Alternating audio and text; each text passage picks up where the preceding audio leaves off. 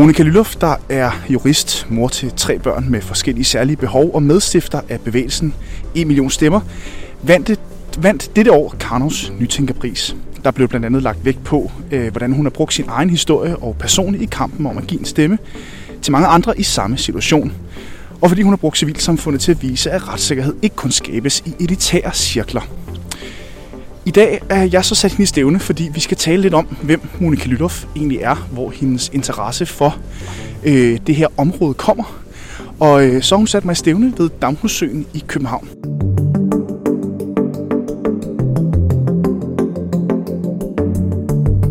Altså nu har jeg jo i mange år arbejdet som, som anklager, og det var jo ligesom mit første kald.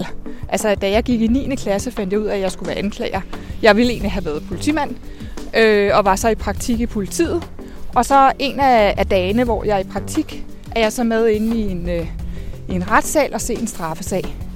Og der sagde det bare, pling, jeg bare vidste, det er det her, jeg skal.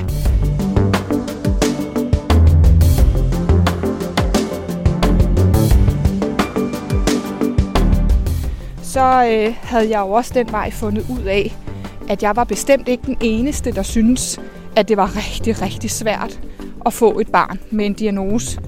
Øh, at det, det var et, et utrolig kompliceret og følelsesmæssigt hårdt system at, at blive en del af.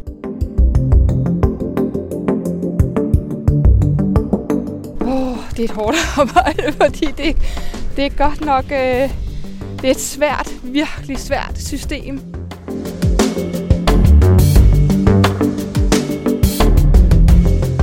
Jeg jo fra det strafferetlige område, og man kunne aldrig nogensinde forestille sig, at det skulle være kriminalforsorgen, der også efterforskede og dømte. Og så sige, ah, det går sgu ikke rigtigt, fordi vi har ikke plads til flere fængsler, så vi må nok hellere være med at efterforske lidt mere.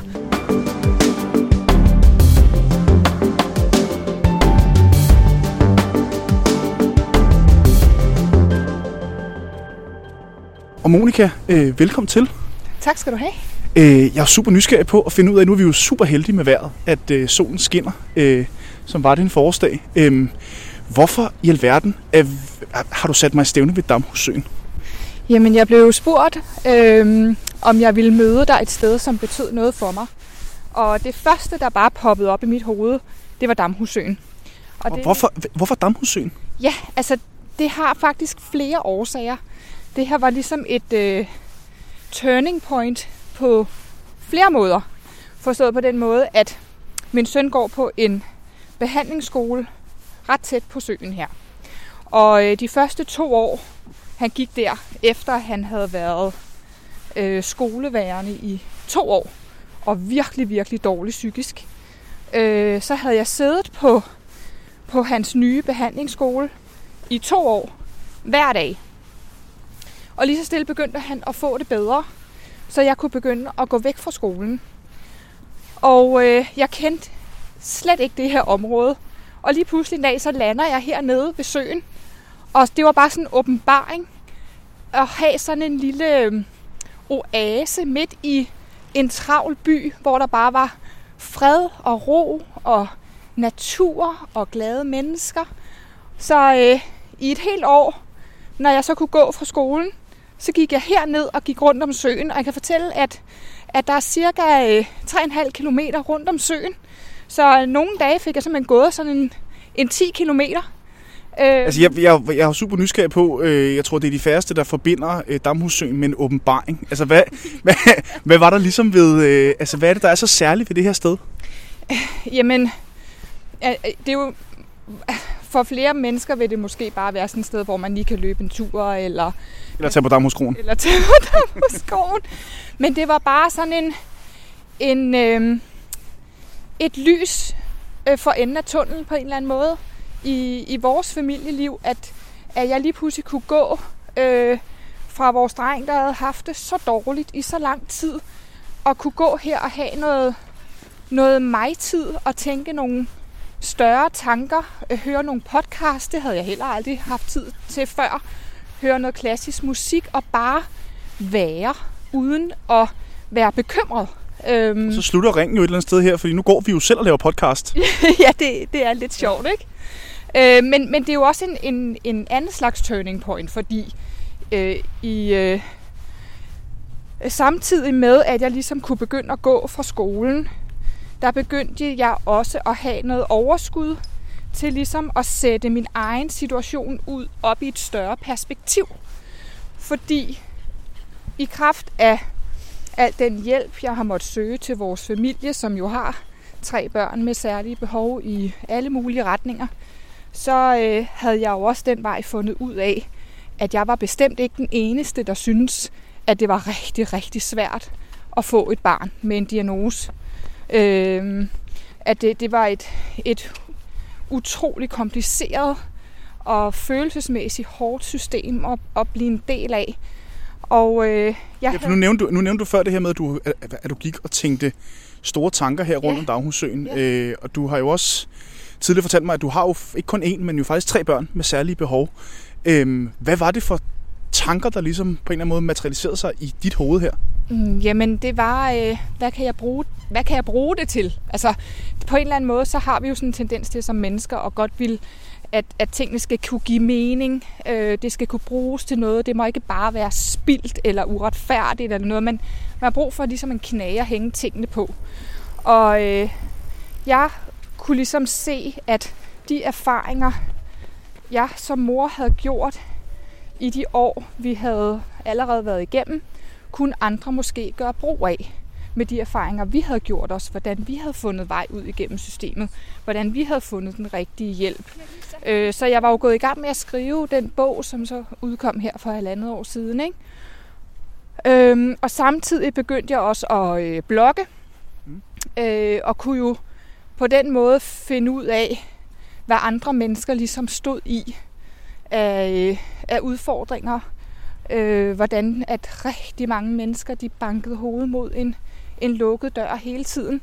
Så jeg gik egentlig sådan for at finde ud af, hvad kan jeg gøre ved det? Mm. Øhm, og det var faktisk rundt om den her sø, at det lige så stille begyndte at spire. Så det var jo både en, en altså man kan sige, det, altså stedet har jo sådan en dobbelt betydning, ikke? Så på den ene side var det en måde ligesom at komme væk fra alt det, der var rigtig, rigtig svært, som vi havde stået i i så mange år, fordi jeg lige pludselig kunne komme lidt væk fra det. Og samtidig var det starten på noget nyt. Øhm, det, som jeg så laver i dag. Så og, hvad, og hvad er det, du laver i dag, øh, Monika? Fordi du, du er uddannet jurist øh, og arbejder, øh, altså vidt, øh, jeg kan se jo også som jurist i det offentlige. Men hvad er det, du laver, altså ud over det? Hvad er det ligesom, der er dit kald i relation til det her? Nå, jeg tror bare, det er sådan en, ja, altså en dyb, dyb retfærdighedsfølelse. Altså nu har jeg jo i mange år arbejdet som, som anklager, og det var jo ligesom mit første kald. Altså da jeg gik i 9. klasse, fandt jeg ud af, at jeg skulle være anklager. Jeg ville egentlig have været politimand, øh, og var så i praktik i politiet. Og så en af, af dagene, hvor jeg er i praktik, er jeg så med inde i en, øh, i en retssal og se en straffesag. Og der sagde det bare, pling, jeg var vist, det er det her, jeg skal. Jeg skal ikke være politimand. Jeg skal være anklager, så jeg gik op og hæv ham i buksebenet nærmest, ikke? Og spurgte ham, undskyld her anklager, hvordan, øh, hvordan bliver man det, som du er? Og det kunne han jo så fortælle mig, at så skulle jeg gå på gymnasiet, og så skulle jeg læse jura, og så kunne jeg den vej. Men det synes jeg er super interessant, du siger, at interessen egentlig var anklager, fordi du arbejder jo med at forsvare en masse mennesker nu ja. i forhold til at forsvare deres rettigheder. Det, man kan sige, anklager, de, de forsvarer jo også, øh, hvad skal man sige, retsstatens Samfund. rettigheder, samfundets rettigheder. Ja. Men altså, hvordan ser du det her, øh, ja, hvad skal man sige, modspil i forhold til dit oprindelige ønske om at være anklager til nu og arbejde så målrettet på at skabe nogle forsvarsværker for de mennesker, der øh, kommer i klemme i systemet? Altså nu ser jeg jo ikke det at være anklager som øh, altså, en måde ikke at forsvare noget. Tværtimod, så er det jo en yderst vigtig rolle at have i vores retssamfund, at der sidder en, som virkelig skal vurdere, at der ikke er nogen, der bliver uskyldigt dømt. Øhm, så det er jo et virkelig stort ansvar, man har som anklager i Danmark, øh, ja. hvor man både skal sikre, at øh, dem, der har været udsat for noget, øh, bliver behandlet ordentligt, og at øh, man får opklaret de øh, forbrydelser, de har været udsat for. Og samtidig skal man sikre, at der ikke er nogen, der bliver uskyldigt dømt øh, i Danmark. Så derfor så er det jo også en, en meget vigtig rolle at sikre sig, at retfærdigheden sker fyldes, hvis man kan sige det sådan, ikke? Sådan lidt klichéagtigt. Øhm, så derfor så er der jo ikke sådan, synes jeg, modsætning imod det at være anklager og gerne vil sikre, at øh, der ikke er nogen, der bliver behandlet uretfærdigt. Øh, så, så, øh, så det er jo ikke sådan helt vildt langt fra hinanden. Det, der er meget langt fra hinanden, det er jo så den lovgivning, som jeg så sidder og kigger på nu i, i, øh, i relation til, til mennesker med handicap og brug for, for social øh, støtte øh, i forhold til det andet. Ikke? Ja, for hvad, altså, hvad er der ved de her regler? Øh, fordi du, du, du vandt jo Karnovs Nytænkerpris her øh, for en lille måneds tid siden. Øh, blandt andet for dit arbejde øh, for at få hvad skal man sige, fjernet øh, sagsbehandlingen i sociale sager fra kommunerne. Kunne du ikke prøve at, øh, at sætte nogle ord på, hvad det er for et, for et arbejde? Åh, oh, det er et hårdt arbejde, fordi det, det er godt nok... Øh, det er et svært, virkelig svært system at, og, øh, at få for det første fokus på, hvilket jeg jo, øh, det med at jeg så vandt prisen, jo synes var det aller, aller største ved det. Det var, at det var en måde ligesom at få fokus på, at vi i Danmark faktisk, og, og hvis jeg så henviser tilbage til mit, til mit andet arbejde, altså det er jo menneskerettigheder, vi også kigger på. Øh, hvad har man af rettigheder som, som menneske i det samfund, vi ønsker at have i Danmark? Og der er der altså bare, øh, når man kigger på mennesker med handicap, som egentlig har to konventioner, de kan holde sig til, både ved menneskerettighedskonventionen og FN's handicapkonvention, nogle rettigheder, der er listet op, øh, at man har lige så mange rettigheder og lige rettigheder som alle andre mennesker. Men når man så kigger på praktikken af det, og forvaltningen rundt omkring i de enkelte kommuner, så er der bare på ingen måde overensstemmelse med det. Øh, og det... Øh, Nå, for man kan sige, flere, flere, altså flere rapporter har jo blandt andet peget på, senest øh, øh, rapporten fra embedsværket, der udkom her i foråret, at der er en ekstrem stor øh, grad af fejlbehæftede sager i kommunerne, øh, og på tværs af kommunerne, de øh, kommuner med færre sager, er også dem, der procentvis har flest fejl. Hvorfor i din optik er der så stor en grad af fejlbehæftede sager i det kommunale regi? For der er jo, man kan sige, det har jo altid været kommunerne, der har skulle varetage de sociale sager. Ja, det har jo også været delt med amterne tilbage før 2007. Øh, men, men der er sket det, at i 2007 lagde man det fulde myndighedsansvar ud i kommunerne, det vil sige, at der også lige pludselig kom det fulde økonomiske aspekt ind i det. Øh, samtidig fik de øh, lov til at trække alle specialtilbud hjem i egen kommune, det vil sige, at der er rigtig mange specialtilbud, som enten er lukket, eller som bare er trukket hjem til kommunens egen øh, forvaltning, øh, samtidig med, at man så ikke har øh, formået at opbygge den viden, som det kræves at forvalte et område, som er så kompliceret. Øhm, der er jo gået så meget kassetænkning i det. Og øh, som du også selv siger, kommunerne er jo enormt forskellige, både lokaløkonomisk og geografisk. Og det vil sige, det her med at skulle i den enkelte kommunes forvaltning opbygge en viden, som det kræver så indgående faglig kendskab til at kunne forvalte ordentligt, det er jo virkelig en alt, alt, alt for stor opgave, har det jo vist sig, eftersom at der bliver ved med år efter år at blive lavet fejl i omkring halvdelen af sagerne på landsplan. Nogle kommuner har jo 80 procents fejl øh, i, deres, øh, i deres afgørelser. Øh, og det, der træder mig allermest over tæerne, det er, at nogle af de kommuner, som så har en fejlprocent, som ligger over landsgennemsnittet, de har et ambitionsniveau, der hedder at de bare ønsker at nå landsgennemsnittet på, på fejl i halvdelen af sagerne. Og jeg bare sidder og tænker, men prøv at høre her, hver gang I laver en fejl, så er det altså et menneskes liv, det her det går ud over. Det er jo ikke bare en procent. Det er jo ikke bare en fejl. Det kan betyde et helt menneskes liv, at den her fejl er blevet begået. Øhm. Jeg tænker, altså, hvordan påvirker det dig, ikke bare som jurist, men også som mor, øh, når nu har du selv været øh, igennem det her kommunale system. Du har haft sager behandlet af hvad skal man sige, kommunerne i relation til dine egne børn. Hvad er det for en følelse, du sidder med i maven, når, øh, hvad skal man sige, når du ligesom øh, øh, oplever så stor fejlprocent hos kommunerne? Jamen, jeg ved jo, hvad det betyder. Altså, jeg har jo prøvet altså, vi har som familie prøvet både, når det var, at vi ikke fik den rigtige hjælp, og vi har prøvet, hvad det betyder, når vi får den rigtige hjælp. Der er jo en verden til forskel. Vi har jo prøvet det her med bare at få en virkelig flabet bemærkning i hovedet, når vi har søgt om noget hjælp. Vi har prøvet, at vores hjælp bare ud af det blå blev taget fra os, som gjorde, hele vores familie knækkede på fire måneder, og gjorde, at jeg måtte sygemeldes et helt år, og vores datter måtte sygemeldes. Øhm, Hvordan overkommer man sådan et skred i ens fundament? Det er jo forfærdeligt, og det kræver virkelig, at man har nogle ressourcer at tage af, for at kunne overkomme det. Men der er jo rigtig, rigtig mange mennesker, der ikke har de ressourcer her. Det er der nemlig, nemlig lige præcis rigtig, rigtig mange, der ikke har. Øh, og jeg får jo fortællingerne ind ad døren dagligt med forældre øh, eller søskende, som er helt ude, hvor de simpelthen ikke ved, hvordan de skal overleve det. Hvor at forældrene selv ryger på angstdæmpende medicin øh, og har mistet deres job. Og de bliver bare ved med at støde på en lukket dør og får nogle helt forfærdelige flabede kommentarer, både telefonisk og på brev. Og, jeg, altså, og nogle gange så har jeg bare, hvem kan man dog tage fat i og få til rigtigt at vågne op og vil indse, at det her, det nytter ikke noget, at man kan prøve at lappe hister her. Altså, det er et helt fundament. Ja, for hvor svært oplever du egentlig, det, det er, øh, eller har været, og til stadighed er, at ændre noget ved den praksis, der er på området her? Har det rykket noget, det du har haft gang i? Jamen, det har jo rykket på den måde, at der er flere og flere, som, øh, som har meldt sig på banen.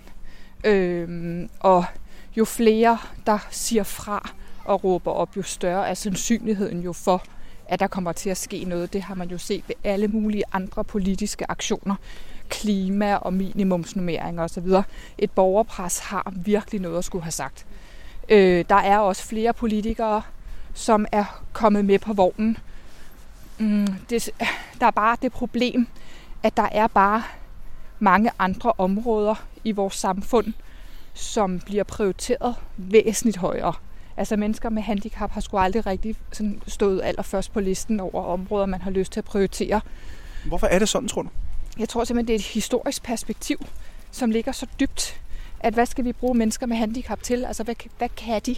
Kan de bidrage til samfundet? Har de nogen nytteværdi? Jeg tror desværre, det er der, vi skal ud øh, og forvente hele den øh, indstilling til, at i kraft med, at lægevidenskaben har udviklet sig, man har fået meget bedre indblik i, hvordan man kan hjælpe mennesker med de forskellige diagnoser, hvad der skal til for at, og, øh, og kunne være med i samfundet.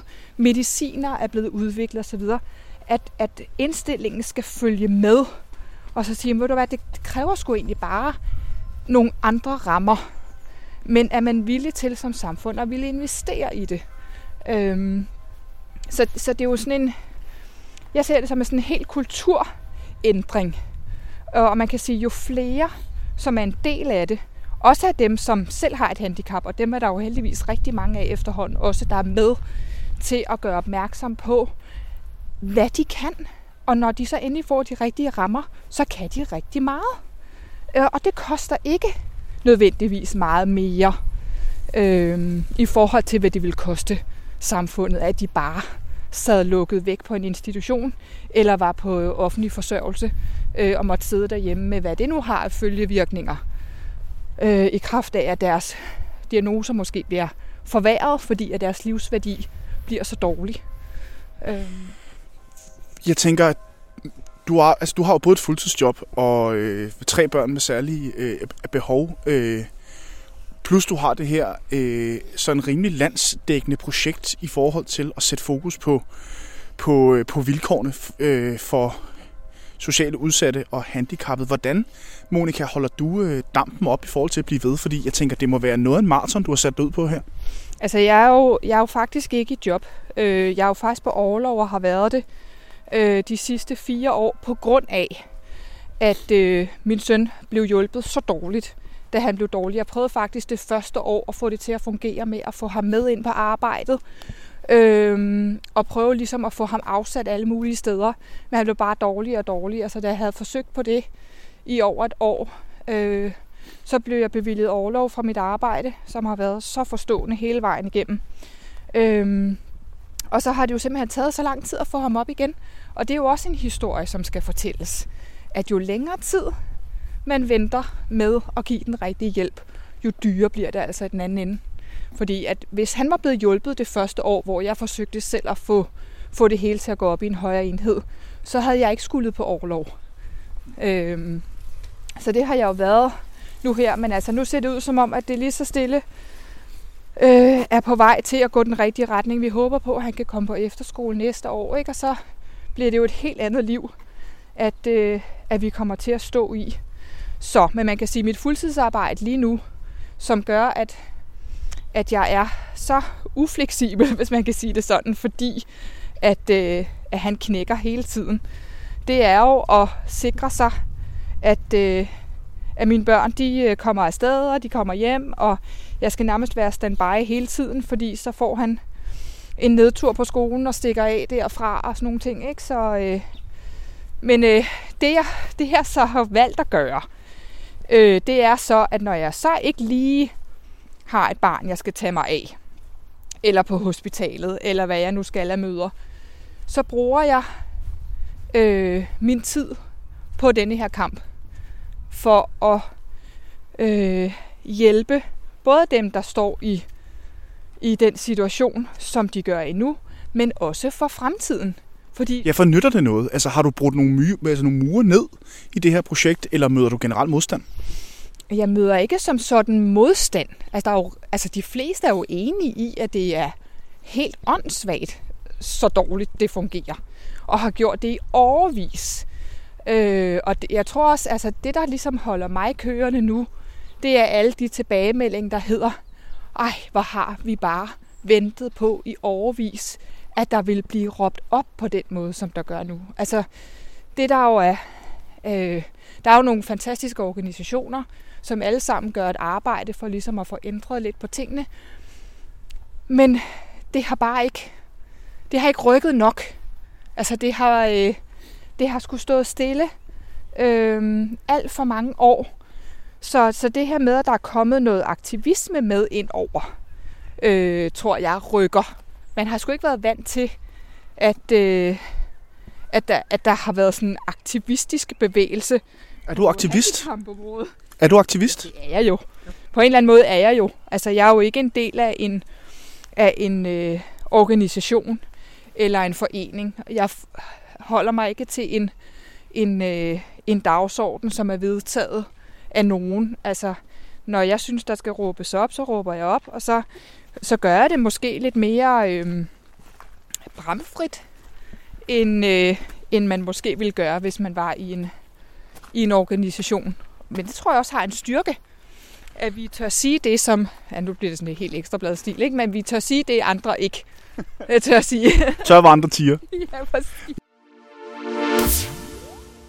Jeg kunne godt tænke mig at, øh, at zoome lidt ind på øh, den her nytænkerpris, som Karno jo uddeler øh, hvert år til nogle mennesker, der på en eller anden måde har været med til at rykke noget ved retssikkerheden, og nogle mennesker, der viser nye veje i forhold til at gøre vejen til øh, loven, vejen til øh, retsstaten mere enkel og mere tilgængelig. Hvad betyder det for dig i dit projekt at vinde en pris som den? Altså det giver jo øh, mit projekt noget seriøsitet. At, øh, at vi ikke, altså i starten blev vi jo bare kaldt for internetaktivister. Ikke? Øhm, så det her med, at, at vi som, som bevægelse og gruppe har... Når du siger vi, hvem er det? Jamen det er jo hele en million stemmer. Ja. Altså jeg føler mig jo som en vi. Jeg er jo bare en del af dem. Øhm, som ofte er den, som, som så får ordet. Men jeg gør det jo på vegne af, af alle dem, der slutter op om, øh, om, at der skal være noget retssikkerhed også for mennesker med handicap og psykisk sårbarhed.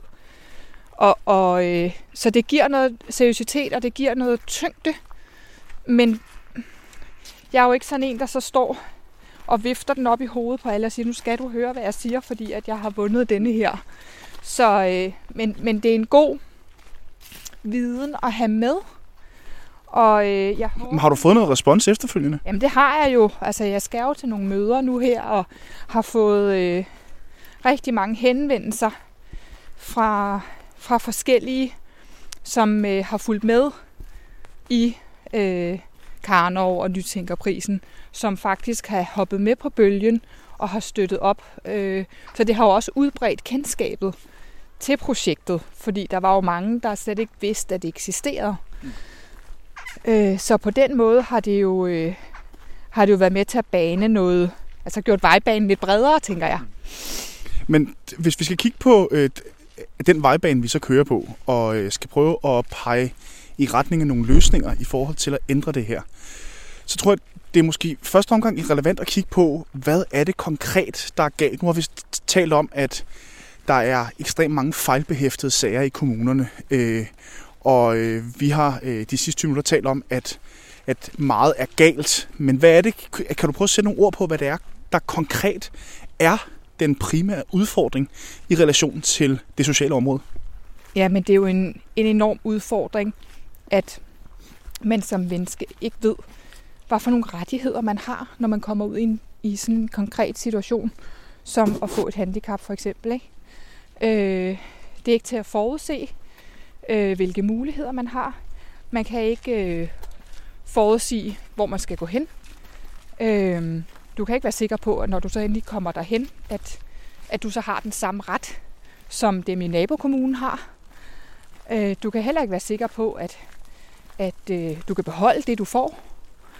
Øh, så så det, er jo, det er jo det vilde vesten på en eller anden måde. Og, og det har jo intet med retssikkerhed at gøre. Øh, at, at to borgere med samme komplekse problemer og behov for hjælp, men i to forskellige kommuner, og faktisk også i samme kommune, ikke får den samme hjælp.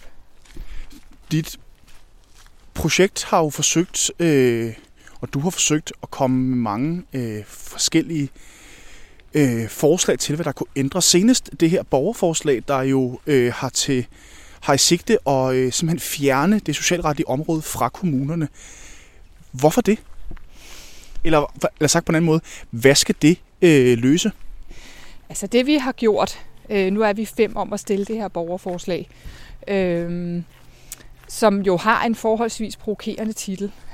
Og, øh, Som er? som er øh, handicapområdet skal væk fra kommunerne. Det, øh, det har jo fået mange op af stolene, og det var sådan set første øh, skridt. Det var at få vækket nogens opmærksomhed. Og det gør man ved for eksempel at provokere en lille smule. Og øh, det vi har forsøgt, det er ligesom at begrunde, hvorfor at det ikke kan fortsætte på samme spor, som det er nu. Når man i 13 år har lavet så mange fejl, uden at det har nogen udsigt til forbedringer, så er der altså et politisk ansvar til at gå ind i det og forsøge at ændre på det.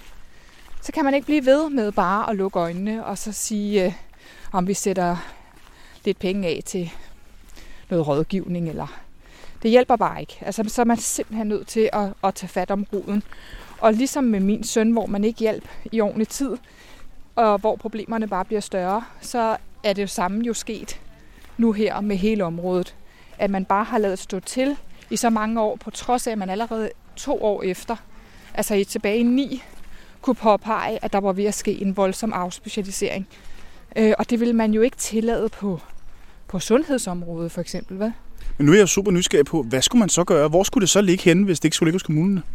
Det vi, det vi prøver at sige, det er, de mennesker, som har forstand på et komplekst område, er også dem, der ligesom skal sidde med det.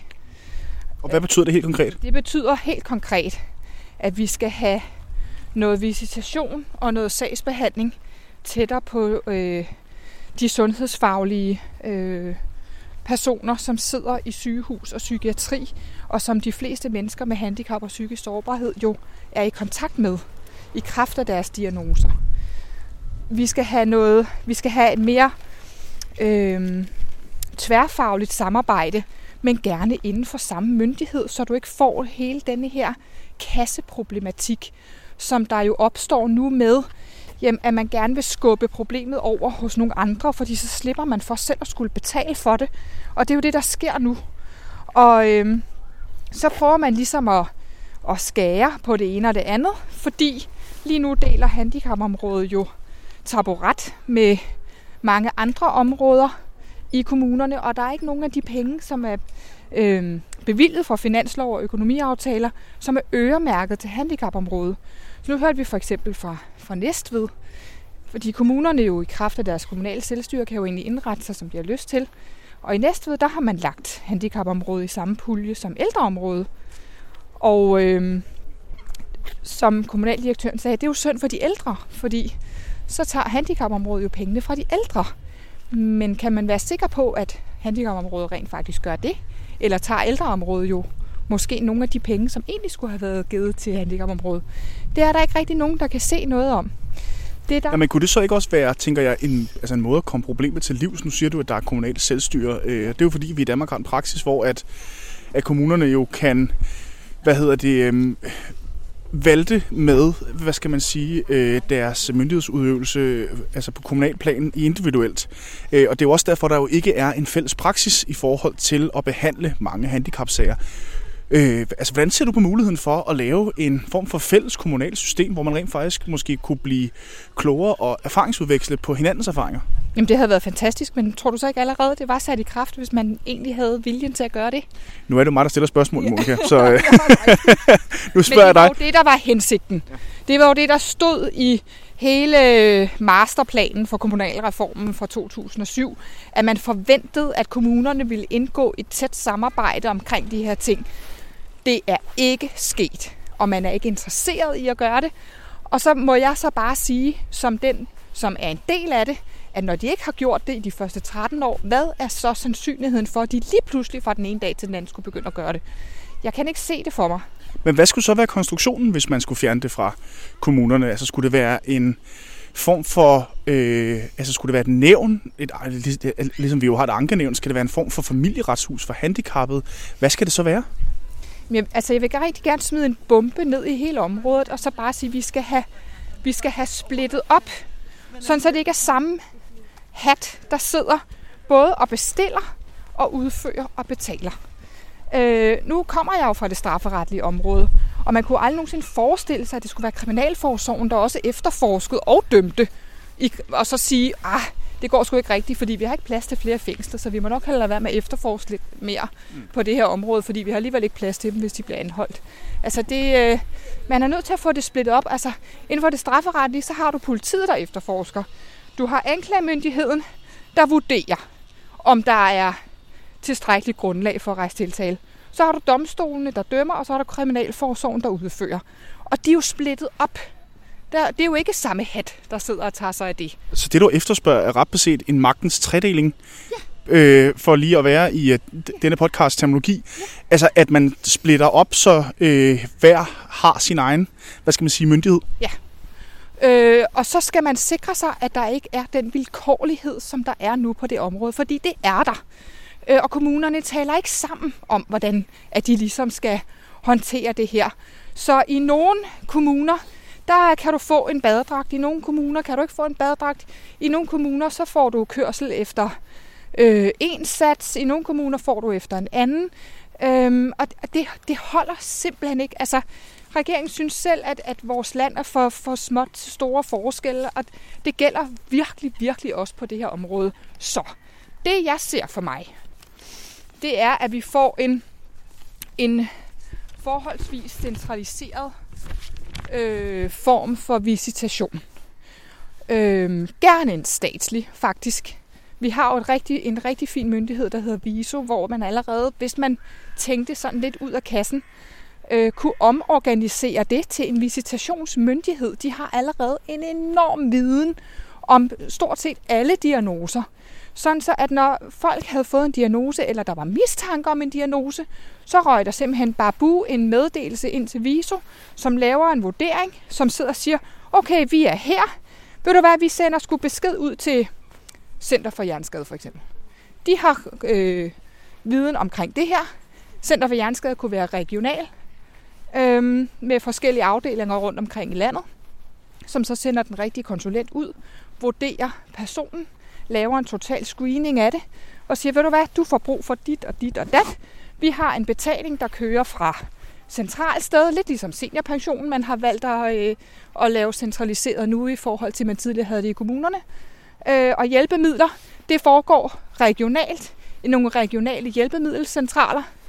Øh, er der brug for støtte i, øh, i skolen, jamen så skal det ikke længere være den enkelte skole, der skal sidde og tælle møntre nede i kagekassen for at se, om der er råd til at, og, øh, at betale for, for støtte til barnet i skolen.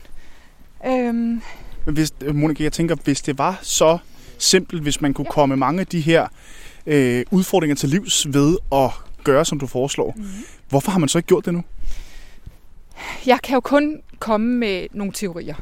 For jeg, er ikke, jeg har ikke en dyt bevis på noget som helst, for det kan jeg ikke fremskaffe. Men kommunerne vil ikke af med det her område igen. Øh, som jeg får det fortalt. Og øh, der kan man jo sådan tænke lidt over, hvorfor de så ikke vil det, når de nu bliver ved med at sige, at det er så svært og så dyrt. Men vel også, hvis man laver så mange fejl, så er det vel meget rart at komme af med det, der øh, ligesom er... Men man må også vente om at sige, at der følger jo rigtig mange penge med. Den tanke kunne man jo godt fristes lidt til at have. Der følger rigtig mange penge med det her område ud i kommunerne, som ikke er øremærket. Øh... Ja, for som vi to også talte med øh, Mads øh, Pramming om i en tidligere episode af Magtens Tredeling, så kunne man jo godt overveje, om der er kommuner, der spekulerer i simpelthen at tilbageholde øh, ydelser simpelthen for at spare penge. Ja, eller kunne bruge dem på noget andet. Øh, der Hvor stort et problem, tror du det er? Jeg tror, det er kæmpestort. Og, øh, og øh, vi har en, en privat interesseorganisation, der hedder Kommunernes Landsforening. Og øh, de er ikke glade for, at vi er begyndt at råbe op på den her måde. Øh, Hvorfor ikke? Fordi der er rigtig mange penge, og jeg tror også, der er noget magt involveret i det. Så øh, jeg er jo ret spændt på, hvordan det hele det skal komme, komme til at gå. Og jeg synes også, altså, man kan sige, hvis man så ser på KL som, som et selvstændigt problem, så er det også blevet et meget, meget stort problem. Altså vi har, helt, vi har i sommer øh, var der øh, en høring i, øh, inde i øh, Folketingets Social- og, og Indrigsudvalg omkring en ny bestemmelse, der skulle øh, indføres i, i serviceloven. Fordi det er sådan, øh, og, og var det indtil for nylig, at øh, er man svært, svært handicappet voksen, som har brug for overvågning om natten for eksempel. Fordi at man kan fejlsynke eller få epileptiske anfald, som gør, at man simpelthen dør, hvis der ikke er nogen hos en. Så kunne man ikke få det bevilget øh, af kommunen. De sagde simpelthen nej, fordi at der var kommet en, en dom, som lige pludselig påviste, eller en, hvad hedder det, en ankestyrelse afgørelse, som påviste, at kommunerne faktisk ikke havde hjemmel, hvis det var, at de ville bevilge det her. Så man havde brug for en ny lovhjemmel. Og, øh, oh, lovhjemmel, det fylder ret meget i de her dage. Ja, det gør det. Uh. det havde man så brug for. Øhm, og det får man så vedtaget i Folketinget, at, øh, at der skal indføres den her lovhjemmel. Men forslaget fra ministeren bliver så, at man kun skal lave en hjemmel, som gælder til og med det 24. år. Det vil sige, når den unge så er blevet over de 24, vil man ikke længere kunne få det bevilget. Og så må man godt blive kvalt i sit eget spyt. Eller også må man flytte på institution, bliver man tvunget derhen. Ikke? Øh, organisationerne havde lavet en udregning, fordi det er meget, meget få borgere, det her handler om. De havde lavet en udregning, der hed, at man forventede, det ville koste omkring 60 millioner at lave den her ordning, så de her mennesker kunne få lov til at blive boende hjemme, hvis de gerne vil blive boende hjemme. Og øh, under det her samråd kommer det så frem, at ministeren... Øh, altså Socialminister Astrid Krav? Ja, Astrid Krav er blevet stoppet af KL, der siger, nej, nej, nej, nej, nej. Det her det kommer til at koste et 60-cifret millionbeløb. Men de havde ikke fremlagt nogen øh, dokumentation på, hvordan de var kommet frem til det her tal. De var heller ikke kommet frem med et specifikt tal. De havde bare sagt, at det bliver alt for dyrt, hvis det bliver bevilget over det 24. år. Så derfor blev det sådan, fordi KL sagde det. Da de så blev øh, konfronteret med det i pressen nogle dage efter, så øh, var deres udtalelse, at det var rigtigt nok. Det havde de faktisk overhovedet ikke nogen tal på. Det var bare et gæt. Øh, ud fra, at så forventede man, at flere ville gøre brug af det. Og dermed havde de faktisk fået sat en stopper for en, øh, en lovhjemmel, som kunne have galt ind til, at de mennesker, det drejede sig om, gerne vil flytte hjemmefra. På den måde er jeg nødt til at sige, at vi har en privat interesseorganisation, som faktisk også er blevet ja, en fjerde statsmagt. Der er lige larm i baggrunden her. Jeg ved ikke, om det er en anden form for bladfejre et eller andet sted. Men øh, ja. Øhm, Monika, når du øh, hvad hedder det, øh, kaster dig over et projekt som det her, øh, og deltager så aktivt øh, i din overlovsperiode for at, hvad skal man sige, få banket det her igennem, øh, hvornår øh, er du ligesom tilfreds? Hvornår er I mål? Kan man sige noget om det? Nej, det kan jeg faktisk ikke. Altså, øh, mig, som er så enormt målrettet og har altid været det, og øh, har altid sådan gået efter noget bestemt, har lært med denne her øh, kamp, at jeg sådan, det er lidt mere sådan go with the flow. altså jeg, da jeg var med til at starte den Facebook-gruppe op, som egentlig startede det her tilbage i februar 19, øh, der var det første mål egentlig bare at, at samle så mange mennesker som muligt for at gøre det synligt, øh, hvor mange mennesker det her det egentlig handler om. At det så er blevet en, en decideret græsrodsbevægelse, kan man vel egentlig godt kalde det, øh, havde jeg ikke set komme. Altså det stod ikke i kortene. Og så har jeg det sådan lidt, hvis jeg ikke kunne se den komme, så har jeg nok heller ikke mulighed for egentlig at se, hvad der så venter ellers. Så øh, jeg havde jo heller ikke bare for et halvt år siden tænkt, at øh, om, øh, om nogle måneder, så laver vi et borgerforslag, som virkelig skal få debatten til at rykke, for det gør det. Øh, og Men man kan sige, en ting er jo debatten. Hvad håber du øh, konkret, øh, at der kommer ud af det her? Jamen selvfølgelig håber jeg jo, at det her det fører til nogle konkrete handlinger. Jeg, altså, jeg er normalt ikke sådan et reformmenneske, men lige her, der kan jeg se meningen med, at, at vi laver reformer. At vi laver en reform. Øh, og bruger de erfaringer, man har gjort sig. For der er jo, jeg møder jo, jeg møder, altså i forhold til borgerforslaget møder jeg rigtig meget modstand. Og dem, Hvem møder du modstand fra? Jeg møder rigtig meget modstand fra de mennesker, der allerede har fået hjælpen, og frygter, at de så skal miste den, fordi at man laver systemet om. Øh, og så møder jeg modstand for dem, der arbejder i kommunerne. Og der kan man jo så tænke lidt, at det er fordi, de er bange for at miste deres job. Det kunne man jo godt forestille sig. Mm. Men, men hvorfor skulle de dog det?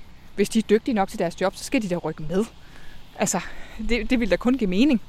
Ligesom med alle mulige andre øh, ændringer, man gør, i, i, øh, når man laver ændringer i systemerne. Ikke? Øhm, men jeg håber jo virkelig, at det her kan føre til en, en ændring, fordi der er også mange, der siger, åh, men øh, vi skal jo ikke tilbage til, til amterne. Så siger jeg, nej, det skal vi ikke, fordi amterne findes ikke mere. Og der var nogle fejl, dengang det lå delvist i amterne. Der har ved Gud også været nogle fejl, nu mens det har ligget fuldt ud i kommunerne. Men så lad os da bruge de erfaringer, og lægge det i regionerne. nej, nej. Nej, de skal sørge ikke bare løftes med en kran en hel pakke, og så lægges over den nye, fordi så kommer det samme problem igen. Ikke? Så vi skal have adskilt, altså adskilt øh, myndighedsansvaret, så det ikke er samme, der sidder og bestiller og udfører og betaler. Det giver nogle interessekonflikter. Øh, og så skal det ikke ligge rundt omkring i 98 kommuner, som laver etårige budgetter, og politikere, der er på valg hver fjerde år. Øh, fordi hvem vil man så gerne tilfredsstille mest muligt? Det er nok dem, der er, er flittigst til at komme ud og sætte et kryds på stemmesedlen, ikke? Monika, nu er vi faktisk øh, ved at være rundt om Damhusøen øh, i øh, det her fantastiske solskinsvær. Øh, jeg vil sige dig tusind tak, fordi at øh, jeg måtte grave lidt i din øh, bevæggrunde for at starte den her øh, 1 million stemmer bevægelse. Øh, og endnu en gang tillykke med øh, prisen som øh, Karnos Nytænker. Øh, lyt med på iTunes, eller hvor du ellers finder dine podcast, hvor øh, K-News har samlet hele vores podcast-arkiv. Uh, og du kan også søge på Forbrydelse og Moral, som er den nyeste podcast, vi har i vores stand, som vi har lavet i samarbejde med Jakob Bachmann. K-News og Markens Tredeling er produceret af Karno Group.